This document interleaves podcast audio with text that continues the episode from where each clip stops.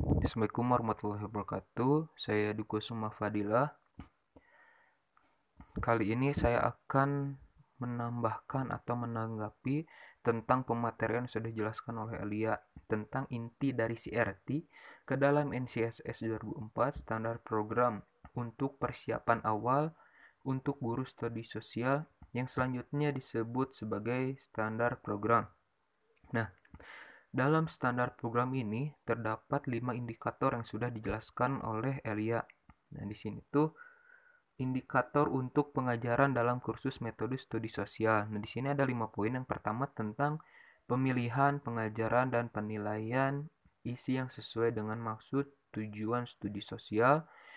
Yang kedua, integrasi sejarah dan ilmu sosial dalam pengajaran ilmu sosial. Yang ketiga tentang instruktur yang kompeten yang memiliki pengalaman profesional dan pendidikan yang sesuai dengan tingkat konten, tujuan, dan tingkat lisensi studi sosial.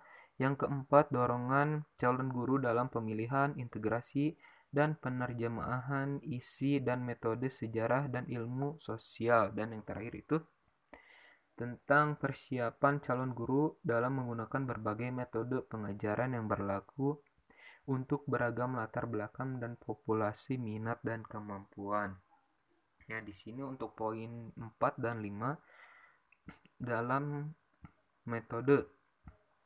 Nah, cara memilih cara pendekatan belajar mengajar yang dianggap paling tepat dan efektif untuk mencapai e, sasaran. Nah, bagaimana sih cara kita memandang suatu persoalan, konsep, pengertian dan teori yang kita gunakan dalam memecahkan suatu kasus akan mempengaruhi, hasilnya. Nah, suatu masalah yang dipelajari oleh dua orang dengan pendekatan berbeda akan menghasilkan kesimpulan-kesimpulan yang tidak sama. Nah, dalam pemilihan dan menetapkan prosedur, metode, dan teknik e, belajar mengajar yang dianggap paling tepat dan efektif, metode atau teknik penyajian untuk memotivasi siswa agar mampu menerapkan pengetahuan dan pengalamannya untuk memecahkan masalah berbeda dengan cara atau supaya murid e, terdorong dan mampu berpikir bebas dan suatu dan cukup keberanian untuk mengemukakan pendapatnya sendiri. Nah, perlu dipahami bahwa suatu metode mungkin hanya cocok dipakai untuk mencapai tujuan tertentu. Jadi, e, dengan sasaran yang berbeda, e, seharusnya jangan menggunakan teknik penyajian yang sama. Nah, mungkin sekian yang bisa saya tambahkan tentang metode. Jadi intinya e,